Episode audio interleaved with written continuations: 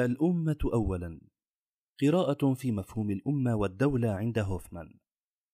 بقلم الدكتور محمد بن عبد الله السلومي. من مقالات العدد العشرين من مجلة رواء في محور نظرات نقدية. شوال عام 1444 هجرية أيار مايو 2023 للميلاد. مدخل تتدافع معظم الأمم بتنوع هوياتها القومية والدينية على بناء ذاتها وقوتها وسيادتها من خلال تجانسها واندماجها تحت الأمة الواحدة.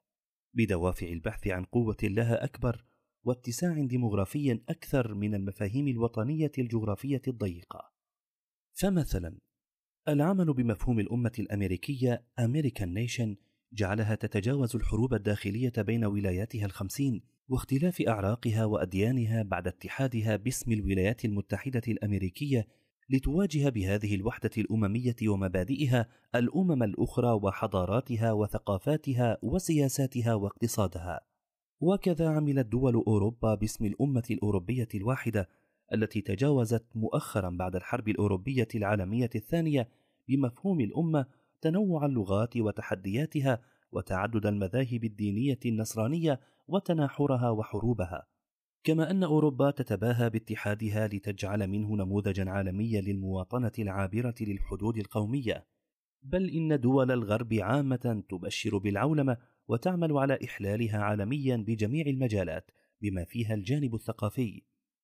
وكذا فعلت دول أخرى حيث الأمة الصينية والروسية والهندية والتركية بأعراقها المتعددة وغيرها من أمم الأرض لتكون أمة واحدة ثم ربما سعت لتكون دولة واحدة. وأكثر من هذا أن فرنسا ابتدعت الأمة الفرنكوفونيه لتصنع بها اندماج شعوب وأمم كانت تحتلها. وكذلك فعلت بريطانيا بما يسمى دول الكومونولث البريطاني كأمة واحدة تربطها اللغة الإنجليزية وحقبة الاحتلال البريطاني البغيض. وكل هذا من المحاولات لصناعة الأمم القوية التي تقوم على مفاهيم اللغة أو القومية أو الدين والثقافة. لكن مفهوم الأمة في الإسلام يختلف من حيث مقوماته اختلافا كبيرا عن الأمم الأخرى حيث المفهوم في الدين الإسلامي يقوم على العقيدة الواحدة التي تصنع الأخوة والتسامح والمساواة والعدالة بعدم التمييز الطبقي. وذلك بالرغم من اختلاف الأعراق واللغات بين المسلمين في أنحاء الأرض.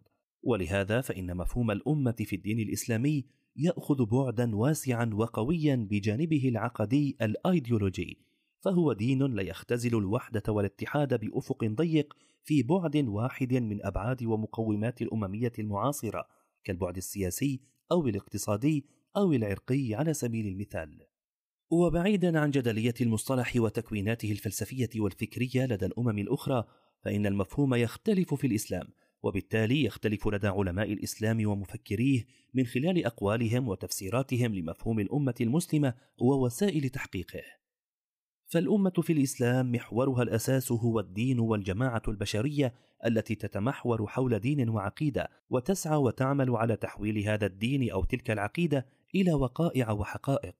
هذه الجماعة البشرية يطلق عليها مصطلح الأمة حيث الأمة هي التي تفرز الدولة والدين الإسلامي بتشريعاته وقيمه هو الأداة التي تحقق بها الأمة وجودها الفعلي والأمة بمفاهيمها وقيمها هي التي تقود إلى الوحدة والوحدة تؤدي إلى الدولة وقوتها والأمة والدولة تتكاملان في الأصل ولا تتناقضان في تشريعات الإسلام وقيمه. ويوم أن تتعارض أو تتناقض سياسات الدول الوطنية الحديثة في العالم الإسلامي مع مشروعات الأمة ومؤسساتها الأهلية على سبيل المثال فإن الأمة المسلمة تكون في خطر بل حتى الدولة الحديثة تكون في ضعف وضمور أو زوال لفقدان هويتها أو ضعفها. فما هو مفهوم الأمة المسلمة لدى المفكر الأوروبي الألماني المخضرم دينيا الذي عاش الكاثوليكية خمسين عاما ثم عاش الإسلام أربعين عاما تقريبا وقد حسن إسلامه وكتب بعمق عن الحضارتين الغربية والإسلامية. وعاش الحياة السياسية والدبلوماسية من خلال عمله الوظيفي في الخارجية الألمانية ومن خلال عمله في أمن المعلومات في حلف الناتو. وهو مع هذا وذاك القانوني المتخرج من جامعة هارفارد. والجواب حول هذا التساؤل يكمن في كتب هوفمان نفسها. فمن خلال قراءة البحثية في كتبه وإعداد كتاب عنه وعن أبرز رؤاه بعنوان المفكر الألماني مراد ويلفريد هوفمان رؤيته في احتضار الغرب وصعود الإسلام. وجدت أنه يطرح مفهوم الأمة المسلمة على أساس أنها ميزة في الإسلام وأولوية وواجب على المسلمين وذلك بالعمل على تحقيقها بالوعي وبالتربية والتعليم لا سيما في العالم المعاصر حيث التحديات الكبيرة على الإسلام والمسلمين وأهمية مواجهتها بالوسائل المشروعة والمتاحة استجابة لدينهم وحقا مشروعا لهم كحال الأمم الأخرى في ممارسة الأممية ولوازمها كما يقول هوفمان عن هذا ويكرره. هوفمان والفردوس الاجتماعي. عن مفهوم الأمة وجدت أن كثيرا من كتاباته وكتبه تتضمن بصورة مباشرة وغير مباشرة الحديث عن موضوع الأمة وأنه ميزة وقوة في الإسلام يستحق التدوين والإشادة. بل إن مفهوم الدولة الواحدة للمسلمين أو الخلافة يجب ألا يكون هدفا رئيسا للمسلمين حسب رؤيته فهو يرى أن هذا خلاف الأولويات. وقد عاش هوفمان في عصر كان يرى فيه أن المسلمين بحاجة لما هو أهم وأكبر من الخلافة حيث العمل على تعزيز مفاهيم الأمة الواحدة بروابط العقيدة وقيم الدين الموحدة أولوية وواجب. لما تقدمه مفاهيم الأمة المسلمة من قيم عجزت الحضارات الأخرى عن تقديمه حتى العصر الحاضر. وعن هذا كتب هوفمان ومما قال من هذا المنطلق لابد أن يرى الغربيون الذين يتمتعون بحس المسؤولية ما يشبه الفردوس الاجتماعي عندما يدركون أن الإسلام من الناحية النظرية في الحد الأدنى وفي واقع الممارسة في الغالب هو الدين الوحيد الذي حل مشكلات العنصرية والتعددية الدينية بإعطائه الأهمية للتقوى وليس للون البشرة وبقبوله لأيا كان عضوا في هذه الأمة وبالتسامح التام مع الديانات الأخرى. فعندما اكتشف مالكوم إكس الطبيعة متعددة الأعراق للأمة الإسلامية كان ذلك بمثابة وحي بالنسبة إليه. دعونا نحقق أقصى الفائدة من هذه الفضيلة بأن نحياها وبأن نجعل اللون والطبقة الاجتماعية والمذهب واللغة وكل ما شابه ذلك من أشكال التمييز أشياء لا مكان لها بيننا. لقد اختار ملايين الأفارقة الأمريكيين الإسلام ليس لمجرد أن بلالا رضي الله عنه أسود البشرة فلم لا يحذو ملايين وآخرون حذوهم لاعتبارات مشابهة. والحقيقة أن وحدة الأفكار والقيم والأخلاق في الإسلام وقبل هذا توحيد العقيدة ثم تفوقها ونجاحها في عالم المسلمين اليوم يعد من الانتصار لديهم ولا سيما في نهايات القرن المنصرم وبداية القرن الحادي والعشرين الميلادي. وهو ما يعد مقدمات مبكرة لوحدة الأمة وبالتالي يكون انتصار الأتباع من اللوازم والنتائج فالأفكار والعقيدة الواحدة تعد العامل الموحد الأساسي للشعوب والأعراق والدول بصورة عامة فكيف بها مع الإسلام والمسلمين في توحيد أمتهم؟ فالوحدة السياسية أو الاقتصادية للأمم الأخرى في غالبها إنما تقوم على المصالح دون المبادئ وفي الغالب أن هذا النوع من وحدة الأمم لا يدوم كما هو حال معظم دول الغرب واستمرار تلك الوحدة فترة من الزمن في الغرب بعد الحرب العالمية الثانية راجع إلى توحدها واستخدام قوتها في الغالب في صناعة النزاعات والحروب ضد الآخرين كعامل بقاء موحد للداخل مثل واقع أمريكا وأوروبا باختلاف وتفاوت في بعض السياسات. بالرغم من أن اتحاد بعض أو معظم دول الغرب لا يزال الحكم على استمراره ونجاحه مبكرا وهذا يعني أن المسلمين بمفهوم الأمة الواحدة القائم على العقيدة الواحدة والكتاب الواحد القرآن يمتلكون عامل وحدة أقوى حول مشروع نهضتهم وسيادتهم المأمولة عند كل مسلم. بل إن منافسة الإسلام في مفهوم القوة والوحدة النابعة عن عقيدتهم هي قضية المسلمين الرابحة. حتى وإن كانوا لا يمتلكون بحالتهم الراهنة أهم الأدوات والوسائل القوية ذات الأثر والتأثير والتمكين. ويوضح هوفمان عن هذه القوة في مفهوم الأمة بأنها حقيقة مرئية ملموسة بين المسلمين في الغرب كما ينبه إلى حاجة المسلمين وغير المسلمين إلى الدفء والرحمة والحنان في عصرهم الحاضر وذلك بقوله فالإسلام يأتي بعائلة هي الأمة والأخوة في الإسلام حقيقة ملموسة تتفوق على فكرة حب الجار السائدة بين النصارى الغربيين. فإذا كان البرود العاطفي في المجتمعات الغربية وليس أمريكا الخضراء الموعودة قد أصبح حقيقة واقعة وأظنه كذلك فإن الأمة الإسلامية في توفيرها للدفء والحنان والتعاطف إنما تلبي حاجة أساسية للشباب الغربي المعاصر. وهو بهذا يؤكد الفروقات الكبيرة في مفهوم الأمة بين الغرب والإسلام. لا سيما وقد عاش نمط الحياة الغربية وما فيها من برود عاطفي كما عاش حياة الإسلام وما فيها من التعاون والتعاطف والتراحم والعلاقات فيما بين أمة الإسلام الواحدة. وهوفمان الذي يطرح هذه الرؤية عن مفهوم الأمة في كثير من كتبه كتب بوضوح عن مستقبل انتصار الإسلام بالمجتمع وبمفهوم الأمة المسلمة دون شرط الدولة أو الخلافة، مع نقده لمفهوم الدولة الوطنية الحديثة، ومما قال: عندما نشأ الإسلام لم تكن هناك أي ديمقراطيات في هذا العالم، كما أنه لم تظهر أي منها لمدة ألف سنة تالية. فالقرآن وكما كل الكتب المقدسة يتعامل مع شؤون العائلة والمجتمع الأمة الإسلامية وليس مع تنظيم دولة بغض النظر عن كونها ملكية أو جمهورية. إن الإسلام لا يمكن أن ينجح دون مجتمع إسلامي تقوده الشريعة ولكنه يمكن أن ينجح دون دولة إن فكرة الدولة الوطنية ليست إسلامية على الصعود كافة.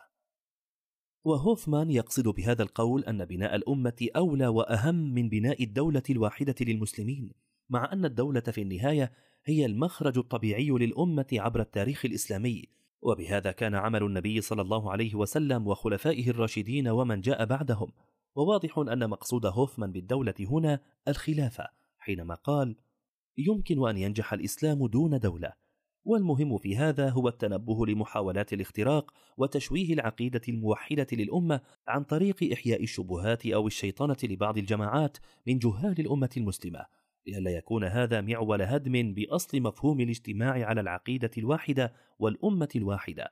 ولعل هوفمان يرى أن المركز السياسي في الإسلام ليس شرطا لحضور الإسلام في حياة المسلمين وتفوقهم به. وقد حدث هذا مرات عديدة في التاريخ دون خلافة. وهوفمان المتفائل لمستقبل الإسلام والمسلمين بالغرب خاصة يقول: إن أمة الإسلام بقوة دينها المذهل ستكون البديل المأمول في الغرب ذاته بكلمات واضحة وصريحة، حيث نجاح مفاهيم الأمة وقيمها لدى الجاليات المسلمة في الغرب وما صنعه مفهوم الأمة فيهم بالرغم من الاختلاف العرقي واللغوي للمواطنين من الجاليات، قائلا: ومن النتائج المأمولة لهذه التطورات في الغرب هو اختفاء الجاليات المسلمة المختلفة عربيا ولغويا هناك في الغرب أي ظهور أمة عالمية حقا ولا منقسمة بين علماء الشريعة ولا بين الانتماءات القبلية ولا بين الحنين إلى الأوطان الأصلية. فإن حصل ذلك فإن الإسلام سوف يتضاعف تعاونيا ويمكن أن يرى الإسلام عندئذ في الغرب بديلا في عالم تختفي فيه المسيحية تدريجيا. وكأن هوفمان بهذا القول يرى أن الثقافة الغالبة في المجتمعات الغربية سوف تكون مستقبلا للإسلام بسبب قيمه العالمية الأممية الجذابة والآخذة في الظهور فعليا. بل إن هوفمان يقارن بتفاضل بين مميزات الوحدة على أساس الأمة وبين الوحدة على أساس سياسي حيث الخلافة كما يوضح بتفاؤل عن مستقبل الإسلام بالغرب في القادم من السنين للسبب ذاته. قائلا الوحدة أم الخليفة أم كلاهما. ربما يكون التنوع بين المسلمين نعمة بيد أن وحدتهم التي تزودهم بالقوة تعد قيمة بحد ذاتها. لذلك يؤمل أن تتجاوز الجاليات الإسلامية في أوروبا وأمريكا التشرذم ويرتبطوا جميعا بالأمة بطريقة تقدم المسلمين في أنحاء العالم كله كأخوة عالمية. والسؤال هنا هل يمكن تحقيق ذلك من دون مركز سياسي؟ وبعبارة أخرى من دون إحياء الخلافة التي أزالها مصطفى كمال في العام 1924 وهوفمان يطرح فكرته أو رؤيته عن الأمة ومعها المقارنة بين الإسلام والمسيحية وكذلك بالسؤال والاستدلال لا سيما حينما استدل بالتاريخ زمن ابن تيمية رحمه الله الذي تجاوز بالمسلمين بعض الفتن والمحن حينما حدثت فتنة المغول والتتار مع عدم وجود خليفة لأمة الإسلام. لكن حضور معظم مفاهيم الأمة المسلمة الموحدة كان عاملا فاعلا فالانتصار يرتبط بالأمة وعلماء دينها أكثر من ارتباطه بالدولة أو الخلافة حسب قول هوفمان هذا. وفيه ليس هذا السؤال عن المسلمين دون مركز سياسي جديدا.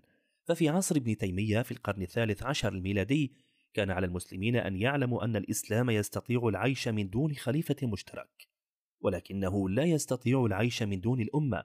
ما زالت وجهة النظر الحصيفة هذه قائمة إذ من غير المحتمل أن يعترف المسلمون بمركز سياسي واحد ولكنهم يعترفون بانتمائهم لأمة واحدة. يحسد كهنة الكاثوليك وقساوسة البروتستانت المسلمين على شعورهم بالانتماء إلى أمة واحدة. إذ إن الوصية المسيحية أحبوا بعضكم بعضا يتبعها المسلمون أكثر من المسيحيين وذلك لإحساسهم بالأخوة فيما بينهم. هذه هي إذن بعض أهم العوامل التي ربما تشكل مستقبل الإسلام في الشرق والغرب فيما هو آت من السنين. أهمية الأمة وحقائق تاريخية. إذا كان الدكتور مراد هوفمان قد اكتشف وهو الشخصية الأوروبية أهمية الأمة في الإسلام في ماضيها وحاضرها ومستقبلها فإنه يعلم ويدرك أنها الضمانة الحقيقية للقوة والسيادة الذاتية بل إنها من وسائل قوة الردع للظلم والعدوان الذي ساد المعمورة كثيرا في ظل النظام العالمي السائد والمتسيد فيه وهو الذي عاشه هوفمان بالفعل في حياته من عام 1931 وحتى عام 2020 وكان عاملا أو موظفا له وزنه في مؤسسات الغرب وأدواته التي أفادته في معرفة الكثير من الحقائق. وهوفمان الذي يفرق جيدا بين الأمة والدولة لا يظن أنه يجهل عموم ما هو معلوم عن سيرة المصطفى صلى الله عليه وسلم عندما عمل على ترسيخ مفهوم الأمة الواسع. ثم كان الخروج من نطاق مكة الجغرافي ونطاق قريش القبلي إلى الطائف. بل واستهدف مجتمعات وشعوبا مختلفة اللغة والدين بناء على أمر ربه منها الحبشة. وكان كذلك يفعل مع حجاج أصقاع الأرض حيثما كانوا. وذلك حينما كان يقابلهم ويعرض عليهم دين الإسلام. فهل كل ذلك عند هوفمان هو بحث عن إقامة دولة أو خلافة؟ أم أنه استمرار لعمل دائم على بناء أمة واحدة بعقيدة واحدة لا تحدها الحدود الجغرافية. ويوم أن تنتصر ويوم أن تنتصر العقيدة أو ينتصر مفهوم الأمة الواحدة ينتصر الأتباع تباعا كما حدث بالمدينة النبوية بعد الهجرة. وهذا ما يحتاج إلى دراسة تحليلية واسعة في أقواله المتناثرة في معظم كتبه عن موضوع الأمة والدولة. والتاريخ يقول كان العهد المكي مرحلة أولى للحياة المحمدية يقوم بأساسه على صناعة الأمة الواحدة بما فيها من عقيدة وتعاون وتراحم وتعاطف ومساواة وعدالة وتسامح بين الأجناس البشرية دون تمييز قبلي أو عنصري. وقد توجت هذه الأعمال النبوية بميلاد الأمة الواحدة. فانتصار الإسلام قبل انتصار المسلمين هو ما حصل تاريخيا لرسول الله محمد صلى الله عليه وسلم في عهد النبوة المكي. وهو ما يتوافق مع السنن الربانية الكونية. بل إن مما يجب فهمه واستيعابه أن فوز المسلمين لو حدث قبل انتصار عقيدتهم ودينهم وانتشار أفكاره وقيمه والعمل بها يعد كارثة تقود إلى التشويه والهزيمة اللاحقة التي سوف تضر بالإسلام والمسلمين. والتلازم بين الأمرين الأمة والدولة بأسبقية الأمة على الدولة وبأولية الإيمان قبل النصر من الله واضح غاية الوضوح في القرآن الكريم كما في قوله تعالى: إن تنصروا الله ينصركم، وكما في قوله تعالى: وكان حقا علينا نصر المؤمنين. ومن الحقائق التاريخية أن محمدا صلى الله عليه وسلم لم يقفز وحاشاه إلى تأسيس دولة في مكة مع إمكانية ذلك في شخصيته القيادية لأن ميلاد الأمة بتعاطفها وتراحمها وتعاونها بعقيدة واحدة موحدة هي الأساس الأول والمتين للرسالة. ثم إن دخول التاريخ السياسي جاء مرحلة ثانية ونتيجة طبيعية للحياة بعد انتصار مفاهيم الأمة، ويلحظ الفرق بين المرحلتين في سيرة المصطفى صلى الله عليه وسلم.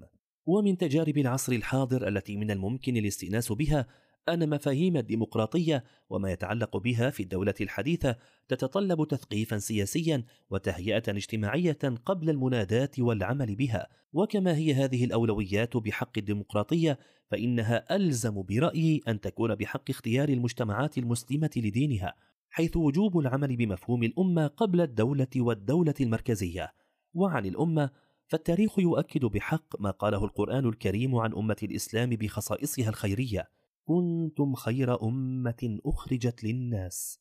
والمسلمون في معظم تاريخهم كان نجاحهم الكبير في تحقيق الأمة الواحدة.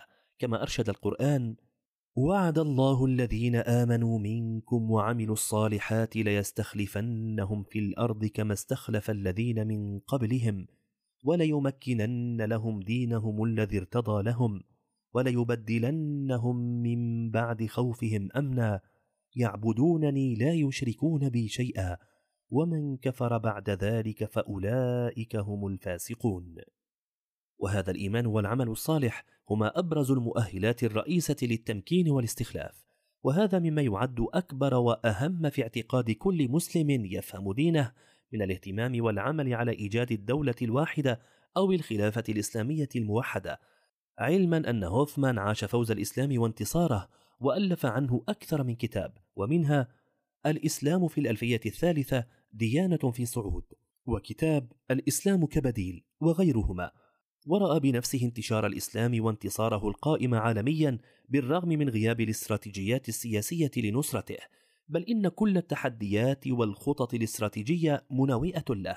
وهذا الفوز للإسلام بمفاهيم الأمة الواحدة مما يمنح لدول الإسلام الوطنية الحديثه التحرر من هيمنة الأجنبي وسيادته وتلك مرحلة أولى للنهوض والبناء الحضاري والمنافسة الدولية. علما بأن هذه الرؤية للمفكر هوفمان وهذا التعليق عليها لا يعني التقليل من شأن وجود الدولة الواحدة أو الإمام الواحد حينما تتوفر المعطيات والشروط. كما هي تأصيلات كثير من علماء الإسلام وفقهائه عن الإمام والخلافة عبر التاريخ. وحول فعل ابن تيمية الذي قام بوظائف الإمامة للمسلمين في ذلك الزمن فكما يمكن الاستدلال به على أهمية الأمة حيث استشهاد هوفمان فيمكن كذلك الاستدلال به على أهمية الدولة حينما مارس ابن تيمية سلطاتها. وقد ألف عن هذه الأهمية إمام الحرمين أبي المعالي الجويني رحمه الله كتاب غياث الأمم في التياث الظلم. فالإمامة والخلافة من مقاصد الشريعة وثمرات الأمة. والمهم في كل هذا أن نشدان الدولة الواحدة للإسلام أي الخلافه لا تكون أهميته مقدمة على الأمة ومفاهيمها ولعل هذا هو ما يقصده هوفمان حيث يرى أولوية الأمة على الدولة لأن الأمة هدف وغاية والدولة وسيلة لتحقيق مصالح عامة أخرى. ومن المؤكد أن قراء عموم التاريخ قرأوا بأن أعظم خلاف لأمة الإسلام هو خلاف الإمامة وما فيها من القهر والغلبة التي في الغالب تؤدي إلى الفتن. كما هو قول أبي الفتح محمد بن عبد الكريم الشهرستاني ما سل سيف في الإسلام على قاعدة دينية كما سل في موضوع الإمامة. ويرى بعض علماء الإسلام أن مطلب الدولة الإسلامية الواحدة أو الخلافة في غالب الأحوال يفتح باب الصراعات وبالتالي يستنزف القدرات والمقدرات ويحرق الكثير من المكتسبات للإسلام والمسلمين في حال تقديم الدولة على العمل بمفاهيم الأمة. ومع هذا ففي هذا السياق المعرفي عن موضوع الأمة والدولة فإن هذا لا يعني أن العلمانية أو النظرة اللادينية لإدارة الدولة يمكن أن تكون حلا للأزمات. فها هو خليفة المسلمين عمر بن الخطاب كأنموذج الذي نشر العدل في أنحاء المعمورة يقول عن الأولويات تفقهوا قبل أن تسودوا. وفي الختام أقول إن هذه المفاهيم عن أمة الإسلام ومآلاتها هي ما يفسر تضافر جهود دول الاحتلال والهيمنة والتعصب الغربي لحرب مفهوم الأمة وأدواته وإحلال المفاهيم الضيقة لأمة العرب ولشعوب الإسلام من الوطنيات والقوميات والدويلات. وكذلك محاولات إحلال مفاهيم العولمة الغربية والإنسانية غير الممكنة بديلا عن مفاهيم الأمة الإسلامية الممكنة. ولا غرابة في أن تكون الحرب على مؤسسات وجمعيات التراحم والتعاون والتعاطف العالمية الإسلامية حيث وسائل الأمة الواحدة تعد هدفا لما يسمى حرب الإرهاب. والقطاع الخيري الإسلامي بمؤسساته المتنوعة ووسائله السلمية الحضارية يعد العمود الفقري لصناعة كثير من قيم الأمة المسلمة الواحدة. واستهداف المناهج التعليمية في العالم العربي والإسلامي والكيان الأسري العائلي وإضعاف الروابط والكيانات الرسمية وغير الرسمية التي تربط بين الشعوب المسلمة داخل في إطار هذه الحرب. وكذلك ما يجري في بعض دول الغرب مع بداية الألفية الثالثة من إغلاق عشرات المصليات أو المساجد في فرنسا كأنموذج وإغلاق العشرات من المدارس الإسلامية في السويد. وكلها تعد مؤشرات على أفول قيم الحريات والحقوق والديمقراطيات في الغرب. بل سوف تنتهي هذه القيم والشعارات حينما يفوز الإسلام أكثر في المنافسة ويحل مكان هذه القيم في الغرب ذاته محاكم تفتيش على الإسلام والمسلمين والله أعلم. وهذا وذاك لا يخرج عن إطار إضعاف أمة الإسلام الواحدة حيث هذه الأممية للإسلام هي ما يعيها الغرب جيدا ويدرك مآلاتها بل ويعمل على عدم فاعليتها والتاريخ لن ينسى السابق واللاحق من أحداثه. رحم الله مراد هوفمان المفكر الذي كان واعيا ومدركا لهذه الأهمية الكبيرة للأمة. مجلة رواء تروي ظمأ المعرفة.